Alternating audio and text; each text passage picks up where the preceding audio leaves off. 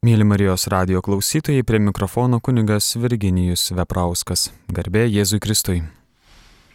Ir panelė švenčiausiai taip pat malonus Marijos radio klausytojai, laida aktualieji bažnytinės teisės klausimai. Mes einame prie santokinio sutikimo temos. Iš eilės 1103 kanonas. Negalioja santuoka sudaryta prievarta ar dėl iš išorės, nors ir netyčia sukeltos didelės baimės, iš kurios, siekdamas išsivaduoti, kas nors priverčiamas pasirinkti santuoką. 1103 reglamentuoja santuoką ir sankcionuojamas, sankcionuojama santuoka sudaryta dėl prievartos ar baimės. Mums į pagalbą iš karto ateina 125 kanonas, antrasis paragrafas.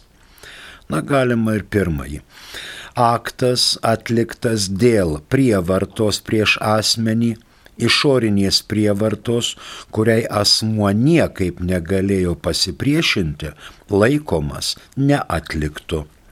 Ir dabar antrasis paragrafas, kuris mums rūpi.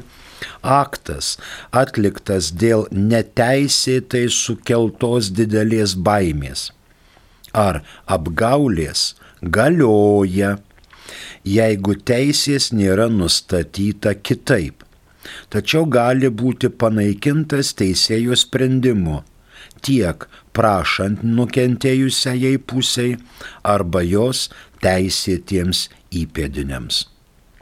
Taigi šiuo atveju teisės yra nustatyta kitaip, kad negalioja santuoka sudaryta prievarta ar dėl iš išorės nors ir netyčia sukeltos didelės baimės.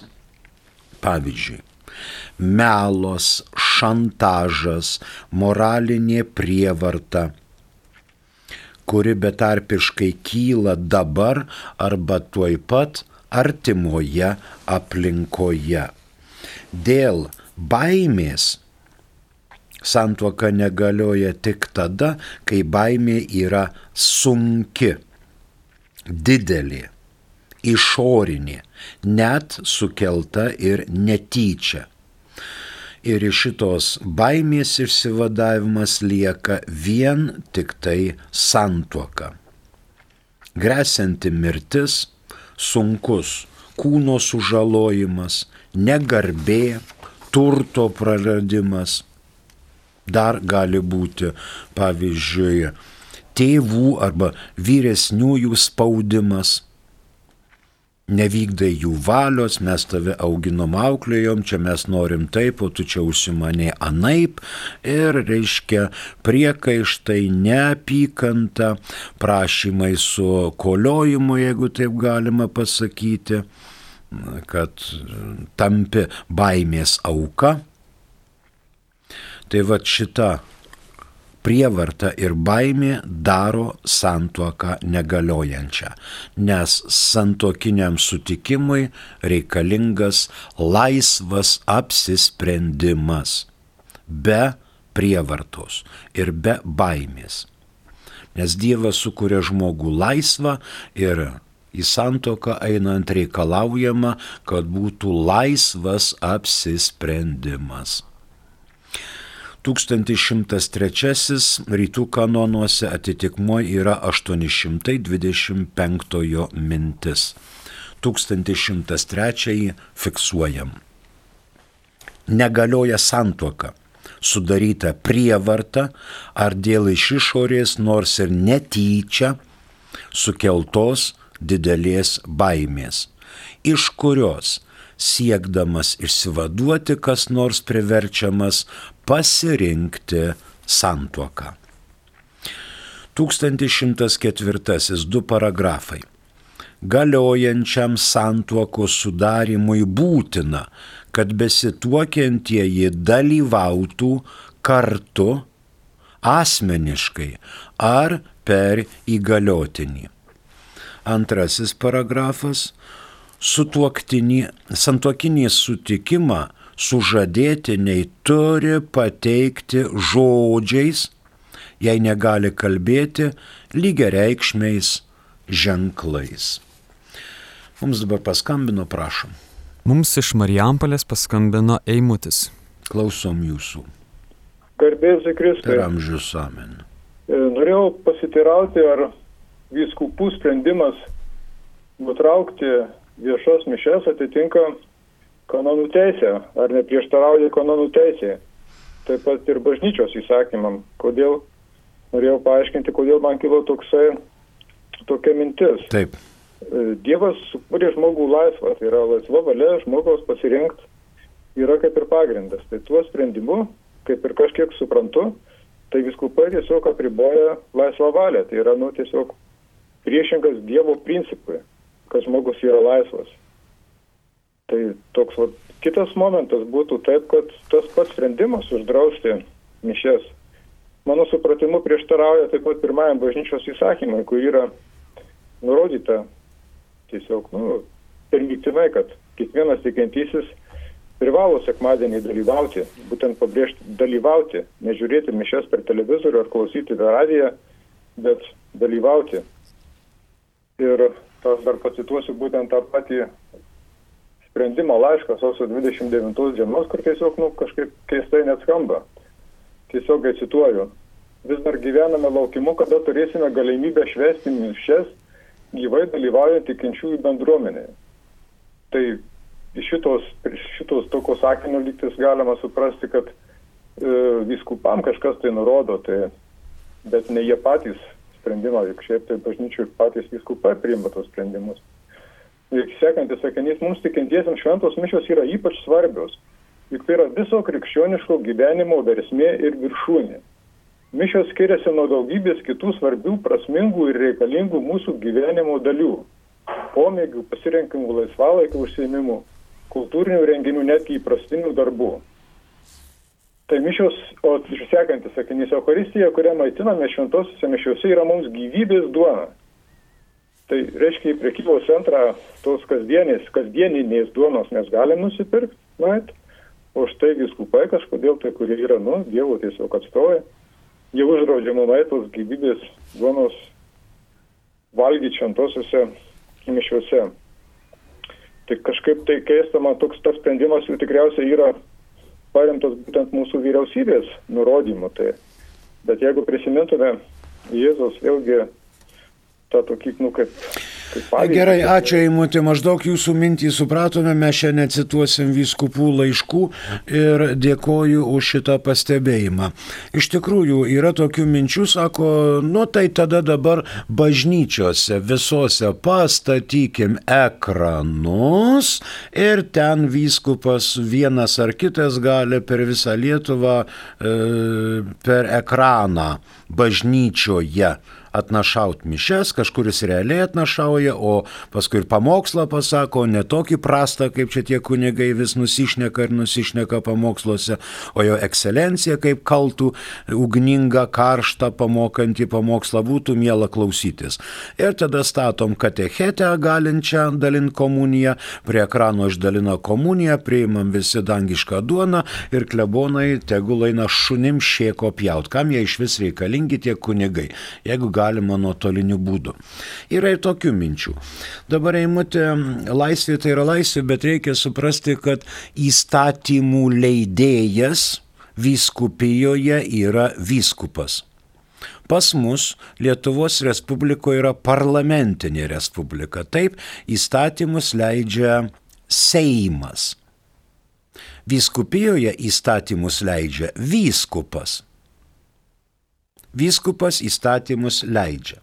Dabar vyskupas konsultuojasi, aišku, ne tik tai su kitais broliais vyskupais, bet konsultuojasi ir su savo padėjėjais, pavaduotojais ir žiūri bendrai į situaciją ne tik Respublikoje, bet ir pasaulyje. Mes pirmavome dėl užkretimų. Europoje buvom pirmi. Čia tūkstančiais, reiškia, sirgom, sirgom, sirgom, sirgom. Dabar viskupai gali sakyti, na, marš į bažnyčias, visi imkite komuniją ir taip toliau. tada šita užtvanka gali lūšti ir pasipils dešimtys tūkstančių iškvietimų. Kas kaltas? Kaltas įstatymų leidėjas vyskupas. Kodėl jisai leido? Ir prasidės ieškiniai. Prasidės ieškiniai su visom kompensacijom. Aišku, kad vyskupas konsultuojasi ir žiūri, ką tvirtina epidemiologai, ką sako valstybė. Dabar nuotoliniu būdu, distanciniu būdu tikrai mišios yra prieinamos, o komuniją priimame dvasiniu būdu. Gal e, ne taip toli, ten 1700 kokiais dešimtaisiais metais, net iš Salzburgo atvarė Austrai į Lietuvą. Vilkyjiškiai čia ir taip toliau. Dingo nuo maro žmonės visais įmanomais būdais siekė, kad jų nepasiektų lyga.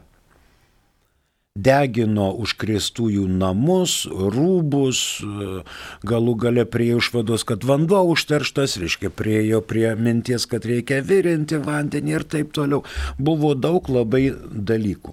Šiuo metu viskupų konferencija prieimė sprendimą, kad nuotoliniu būdu Dabar sakyti, kad bažnyčios užkaltos, uždarytos, tikrai negalima. Žmonės gali ateiti į bažnyčią. Tikrai gali ateiti į bažnyčią ir gali melstis. Klebonai turi užtikrinti, kad bažnyčios buvo atidarytos ir tikintiesiems prieinamų metų sutarus su klebonu galima atlikti ir išpažinti ir žinoma priimti šventąją komuniją tai yra įmanoma, tai nėra uždrausta.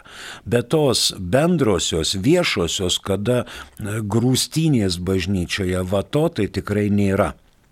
Ir būdavo nustatytos pa, pamaldų valandos, kada galima ateiti, dabar tomis valandomis pamaldų nėra, yra kitomis valandomis, kad nebūtų pažeista.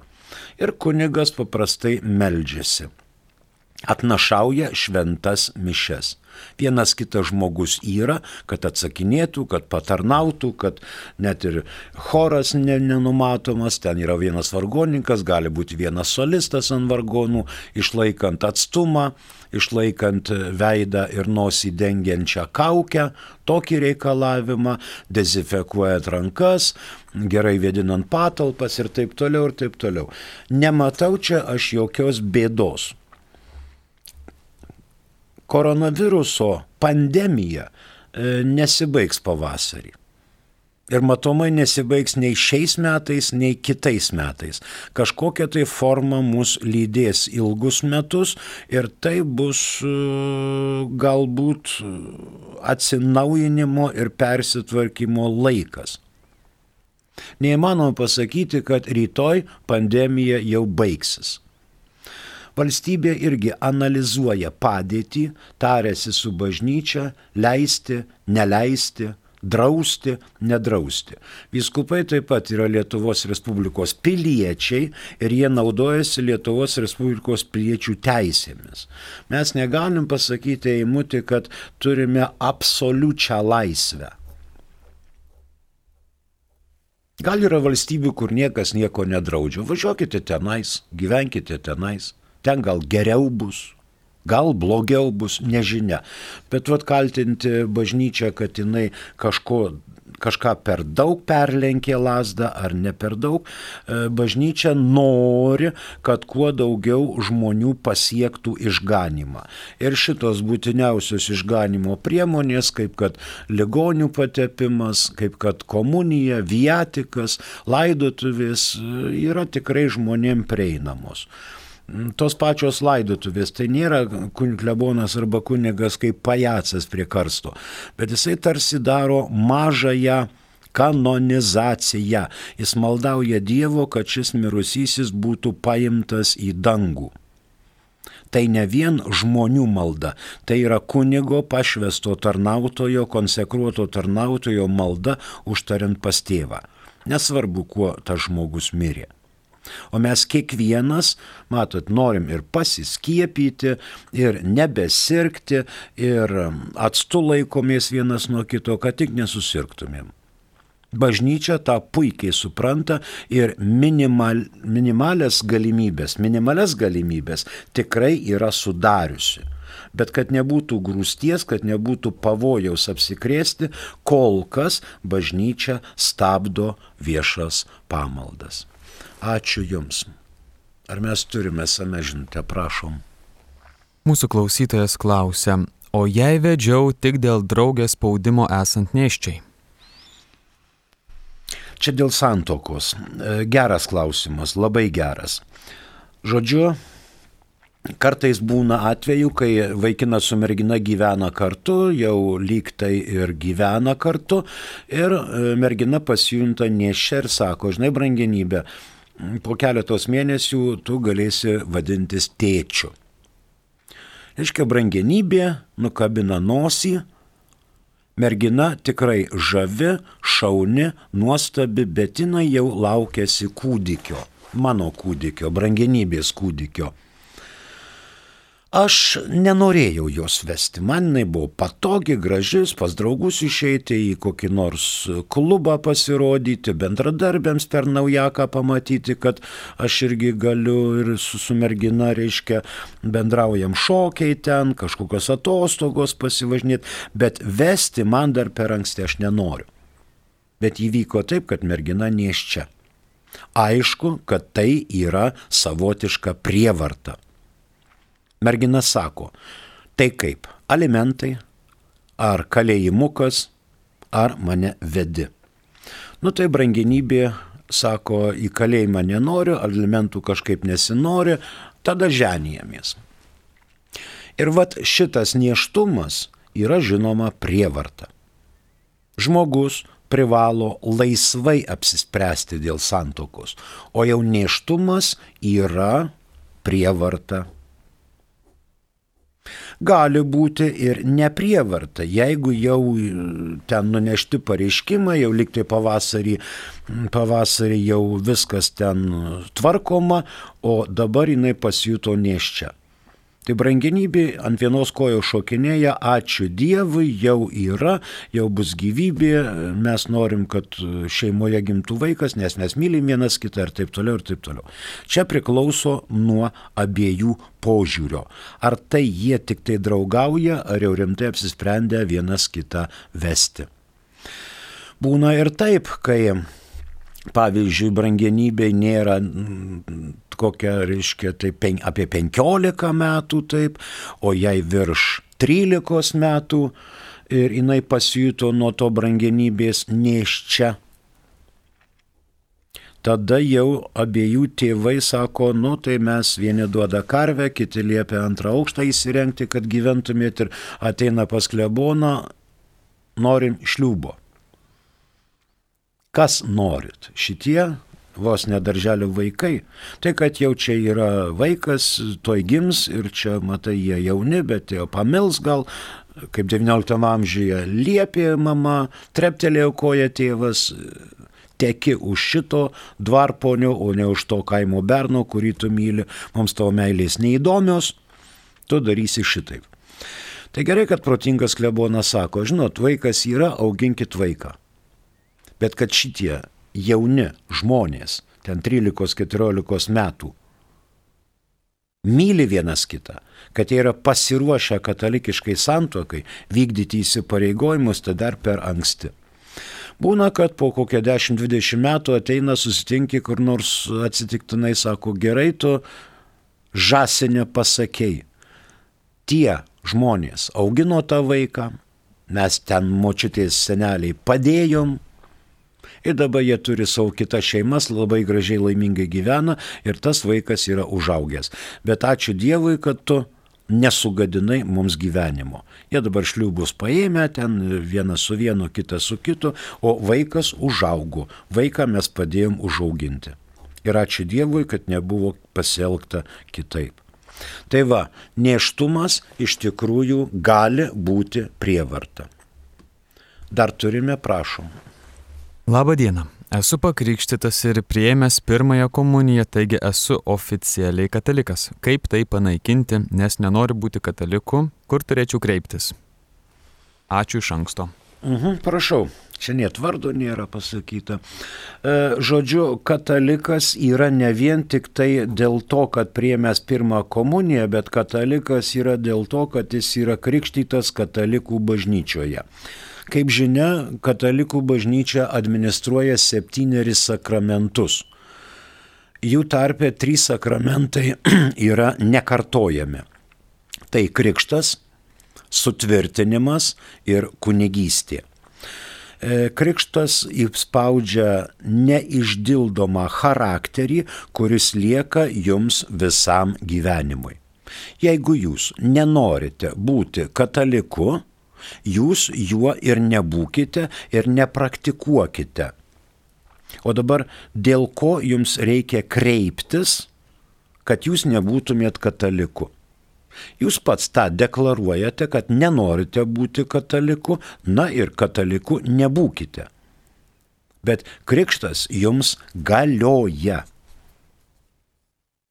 nepaimsi kažkokio laužo, neįmesi jūs, reiškia, buvo vanduo, o dabar laužas, tai kad išdildytų. Ne, krikštas neišdildomas. Krikšto sakramentas yra neišdildomas, kadangi tėvai ir krikštatėviai įsipareigojo jūs užauginti ir išauklėti būtent katalikų tikėjime. Kažkas atsitiko, Gal turite rimtų nuoskaudų arba nesutikote žmogaus, kuris jums e, parodytų rimtą pavyzdį, taip kaip turėjo krikšto tėvai padaryti. Ir jūs nutolote nuo tikėjimo, nepraktikavote, nesimeldėte, gal pasitaikė kokių blogų žmonių, kurie su jumi pasielgė nekaip ir jūs nusisukote nuo katalikų tikėjimo ir atsisukote į kitą religinį imperatyvą. Gal net neturite šito religinio imperatyvo, galbūt jūs supratote, kad jums iš vis nepakeliui su tikėjimu. Na ir būkite be tikėjimo, bet elkitės visuomet pagal savo sąžinę. Jeigu žengsite šitą žingsnį, tikrai Dievas su savo malonė jūsų neapleis. Aš šitą garantuoju. Bet kreiptis niekur nereikėtų. Ačiū. Dar turime Prašau. Turime. Nepasirašęs klausytojas Taip. prašo pakomentuoti popiežiaus leidimą naudoti vakciną pagamintą iš aborto aukų. Mes niekuo dėti, gamintojai kalti. Kad mes nieko dėti, o gamintojai kalti, šito aš negirdėjau iš popiežiaus lūpų. Po, matot, persileidimas, pavyzdžiui. Tai ne vien abortas. Galima, žinau, galvoti ir šitaip. Nesu medikas ir negaliu spręsti, bet girdėjau ir aš, kad popiežius leidžia naudotis šitais vaistais, šitomis vakcinomis. E, kadangi tai yra žmogaus gelbėjimas. Ištiesta pagalbos ranka. Pasaulio sveikatos apsaugos organizacija dabar naršo Uhaną, naršo Kiniją, žiūri, iš kur atėjo šaknys šitos pandemijos ir manyčiau, po kurio laiko turėtų prisikasti prie ištakų ir sužiūrėti. O kad tai būtų, reiškia, iš aborto aukų, tai šito nežinau. Šito nežinau, negaliu komentuoti šito klausimo. Ačiū. Mes einame prie, per keletas minučių liko, prie 1104 kanono, kuris turi du paragrafus. Dabar čia galiojančiam santokos reikalavimui, kokie dalykai yra būtini kad dalyvautų abu du sutuoktiniai kartu. Arba dalyvautų vienas iš jų per įgaliotinį. Abu sutuoktiniai privalo dalyvauti fiziškai, bet ne per Zoomą, per telefoną, ar per kokią kitą informacinę platformą. Dalyvauja fiziškai čia ir dabar. Toliau, kad žodžius tartų asmeniškai, jeigu jie yra nebyliai, kurčnebyliai ar kitų neįgalumo turi, pavyzdžiui, išoperuotos gerklos ar neturi kitų kalbos padarbų, kad tai būtų lygiaverčiai ženklai, kad jie sutiktų duotų santokinį sutikimą ir sutiktų vyras imti žmoną, žmona imti vyrą kad būtų tam tikra socialinė kontrolė, o ne vien tik tai žodžiai. Kurie negali kalbėti, kaip minėta, turi komunikuoti ženklais. Turi būti nustatyta laikas ir vieta, kada ir kur jie tą daryti. Tai paprastai ženklai, tai ženklai, o šiaip verbalinis būdas jei sužadėtiniai, liudininkai ar asistuojantis dvasininkas tarpusavyje nesupranta vieni kitų kalbos, reikalingas vertėjas. Gali būti, kad ir liudininkas gali būti vertėjas, viens iš liudininkų pagal 1057 vieno sužadėtinio arba abiejų sužadėtinių tylėjimas nereiškia jų sutikimo santokai. Žodžiu, kunigas klausė jaunojo, tas tyli. Kunigas klausė jaunosios, ta tyli. Tada kunigas priima sprendimą, kad jie duoda sutikimą. Tikrai ne. Jie turi pasakyti savo žodžius ir du liudininkai turi tuos žodžius išgirsti ir po to jie liudyja savo parašais, kad jie girdėjo ir sutikimo žodžius, ir priesaiką. Jiems suprantama kalba. Jungtuvėse gali dalyvauti tūkstantį žmonių, bet jaunavedžiai turi pakviesti du liudininkus, kurie yra netoli ir kurie girdi santokos sutikimo ir priesaiko žodžius ir tvirtina. Pagal teisę tylėjimas nepriimtinas. Žodžiai turi būti vidinė, vidinė valios išraiška vidinė valios išraiška. Rytų kanonuose 1104 atitikmuo yra 826. 1104 fiksuojame. Galiojančiam santokos sudarimui būtina, kad besituokiantieji dalyvautų kartu, asmeniškai arba per įgaliotinį. Antrasis. Santuokinį sutikimą sužadėtiniai turi pateikti, pareikšti žodžiais, jei negali kalbėti, lygiai reikšmiais ženklais. Ar mes turime dar žinutę? Prašom. Turime. Virgilijus grįžta dar prie šventųjų mišių ir mhm. klausia, ar prieš uždarant bažnyčias nereikėjo gauti tikinčiųjų bendruomenių sutikimo, juk jie išlaiko bažnyčias, yra lik akcininkai bažnyčios. Na, vienas dalykas tai bažnyčios nėra uždarytos. Nėra uždarytos bažnyčios jų niekas neuždarė. Jos privalo būti atviros. Net ir popiežius Pranciškus yra paminėjęs, kad bažnyčia turi būti atvira bet kada, kad žmogus galėtų ateiti. Bet mūsų viskupai ir aišku kunigai kelia klausimą, kaip tą padaryti, kad bažnyčia būtų visą laiką atvira. Kaip tą padaryti? Gerai ten, kur yra, tarkim, Amazonė, Mississippi, ten, kur visi gyvena palmių nameliuose ir bažnytėlė yra iš palmių šakų padaryta, ten vėjas prapučiama, nori eik, nori neik, nori melskis, nori nesimelsk. Dabar mūsų kultūrai, europiniai, kiekvienoje bažnyčioje yra kultūros paveldas.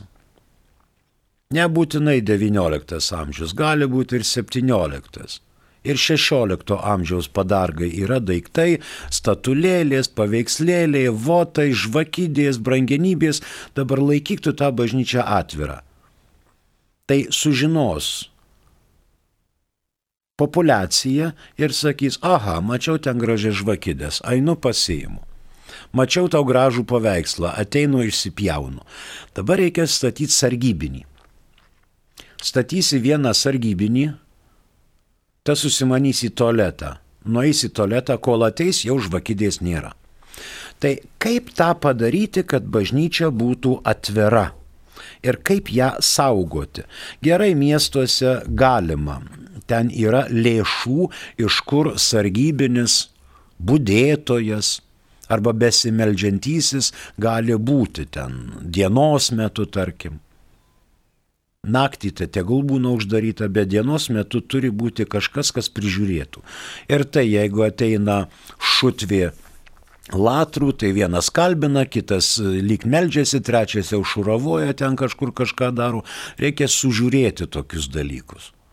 Tai vad su atvirom bažnyčiom. Dabar kaip pasitarti su tikinčiaisiais. Dėl bažnyčių uždarimo, kaip jūs sakot, bažnyčia tikrai nėra uždaryta. Dabar referendumą skelbti, kaip pasitarti su tikinčiaisiais. Taigi visi tikintieji nenori susirgti. Jeigu jau pasakė valstybė ir bažnyčia, kad saugokime vieni kitus, na tai ir saugokime vieni kitus. Dabar kurie normalūs tėvai išleis močiutę arba motiną į bažnyčią, jeigu jinai gali iš ten parsinešti virusą.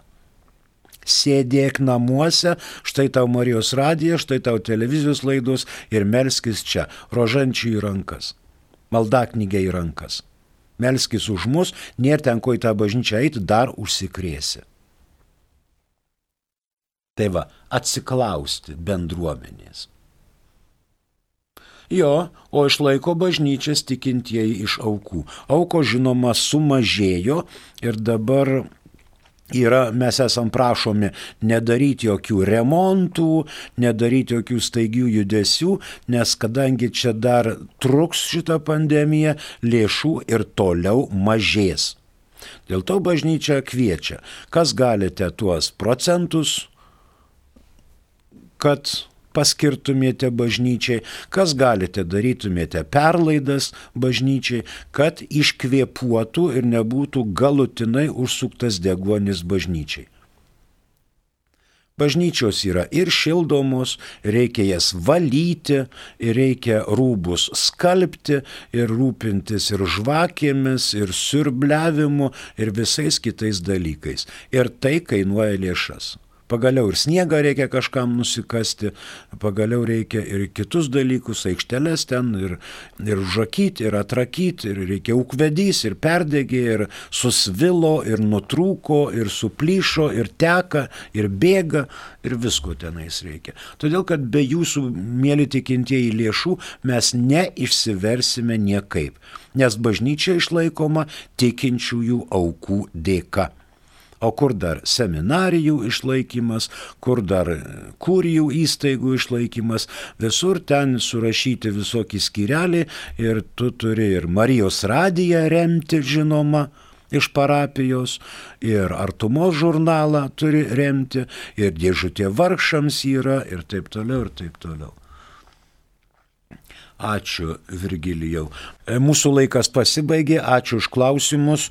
1100 e, ketvirtąjį mes turbūt pabaigėme, o prie 1105 jau priartėjome.